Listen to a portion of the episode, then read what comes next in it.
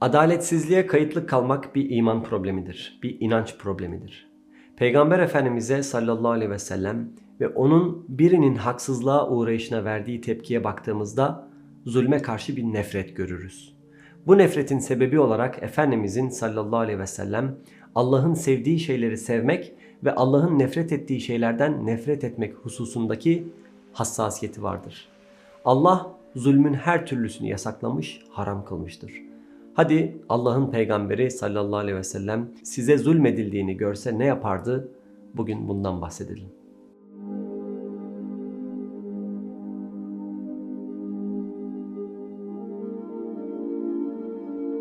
Bu konuyla ilgili sayılamayacak kadar çok hadis var. Gelin biz Hazreti Hatice radıyallahu anhanın Peygamber Efendimiz'i anlatışıyla başlayalım. O haklı bir davası olan herkesi ihtiyaç duydukları şekilde desteklerdi. Eğer maddi bir destek gerekirse onlara para verir, yardım gerekiyorsa yardım eder. Mesela manevi destekse duygusal olarak onların yanında olurdu. Ve olur da haksızlığa uğrar, kendilerini savunacak kimseyi bulamazlarsa yanlarında olacak kişi yine Peygamber Efendimiz'di sallallahu aleyhi ve sellem. Bu Efendimizin vahiden sonra edindiği bir fıtrat değildi. O her zaman böyleydi. Ebu Mesud el-Bedri radıyallahu an konumuzla alakalı kendi başından geçen bir şeyi aktarıyor.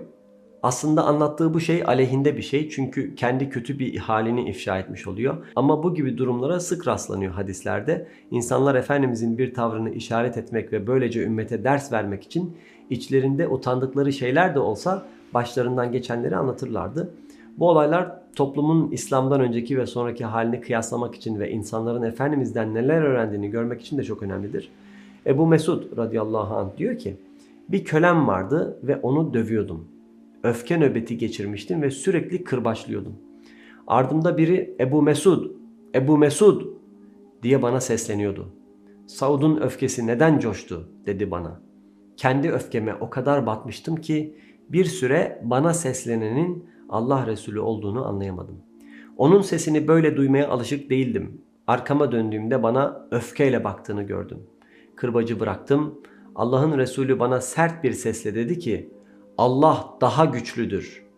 Allah'ın senin üzerindeki hakimiyeti senin bu genç adam üzerindeki hakimiyetinden daha fazladır. Allah senin bu adama yapabildiğin şeyleri daha yaman bir şekilde sana yapabilirdi. Ebu Mesud radıyallahu an peygamberin hiddeti karşısında şok oldu. Efendimiz o gün o genç kölenin yanında olmuştu. Hazreti Ali radıyallahu an anlatıyor. Bir kadın peygamber efendimize sallallahu aleyhi ve sellem gelmiş. Kendisine çok kötü davranıldığını anlatmış ve yardım istemişti. Mücadele suresinin sebebi nüzulünün de bu olay olduğu ifade edilir. Yani Allah Celle Celaluhu peygambere zor durumunu anlatmak için gelen kadın hakkında koca bir sure indiriyor. Bu sahabe annemiz kimliği bilinsin istememiş.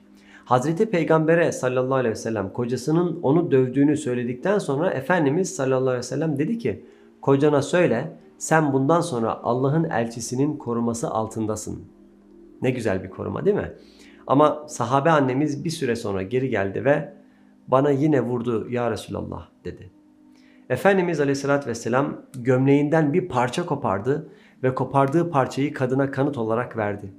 Sen Resulullah'ın koruması altındasın, sen Allah'ın elçisinin koruması altındasın. O kadın sahabe üçüncü kez geri döndü ve tekrar dedi ki, Ey Allah'ın Resulü, kocam bana yine vurdu. Ve Peygamber sallallahu aleyhi ve sellem ellerini semaya kaldırdı, kadının kocasına beddua etmeye başladı.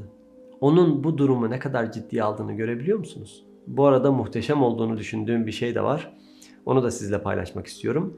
Nebiler Sultanı hayvanların bile şikayetlerini dinler, onların da yardımına koşardı. Bir zaman sahabenin üzerinde çırpınırcasına uçan bir kuş vardı. Bu zaman öyle bir basite alınacak bir zaman da değildi bu arada. Ciddi bir iş üzereydiler. Lider olarak Efendimiz bir ordunun ihtiyaçlarını karşılamak gibi önemli şeylerle meşguldü. Tam o esnada bir kuş Peygamber sallallahu aleyhi ve sellem ve yanındakilerin üzerinde uçuyor, daireler çiziyordu. Efendimiz kuşa baktı ve sonra sahabeye döndü. Kim bu kuşun yavrularını aldı? Kim bu kuşu incitti? Bu olayda bahsettiği şeyin bir kuş olduğunu bilmeyip Efendimizin haykırışını duysaydınız muhtemelen onun bir insandan bahsettiğini zannedebilirdiniz. İşte Allah Resulü bu kadar öfkelendi. Onun bir kuşa karşı da olsa zulme tepkisi buydu. Yavrularını alarak bu kuşu kim incitti? Sahabeden birisi yavruyu yuvasından aldığını itiraf etti. Allah'ın peygamberi sallallahu aleyhi ve sellem kuşun daha fazla üzülmemesi için yumurtaların kuşun yuvasına geri koyulmasını emretti. Efendimizin hayvanlara yapılan zulme karşı çıktığı tek vaka da bu değil. Sahl İbni Amr radıyallahu anh aktarıyor ki Resulullah sallallahu aleyhi ve sellem midesi açlıktan sırtına yapışmış, zayıf düşmüş bir devenin yanından geçti. Hemen devenin yanına gitti ve onu rahatlatmaya başladı. Dedi ki şu konuşamayan hayvanlar hakkında Allah'tan korkun. Onlara besiliyken binin, onları besiliyken kesin, onları her zaman besleyin. Yani hayvanların hakkında riayet edin, onları koruyun diyor. Hatta bu deve bana sahibini şikayet etti buyurmuştu. Peygamberin sallallahu aleyhi ve sellem mazlumların çağrısını hiçbir zaman görmezden gelmediğini görüyorsunuz. Ondan başka kimse duymasa bile, başkaları duysa ama cevap vermeyene tenezzül etmese bile, herkes görmezden gelse bile o zulme asla göz yummamıştır.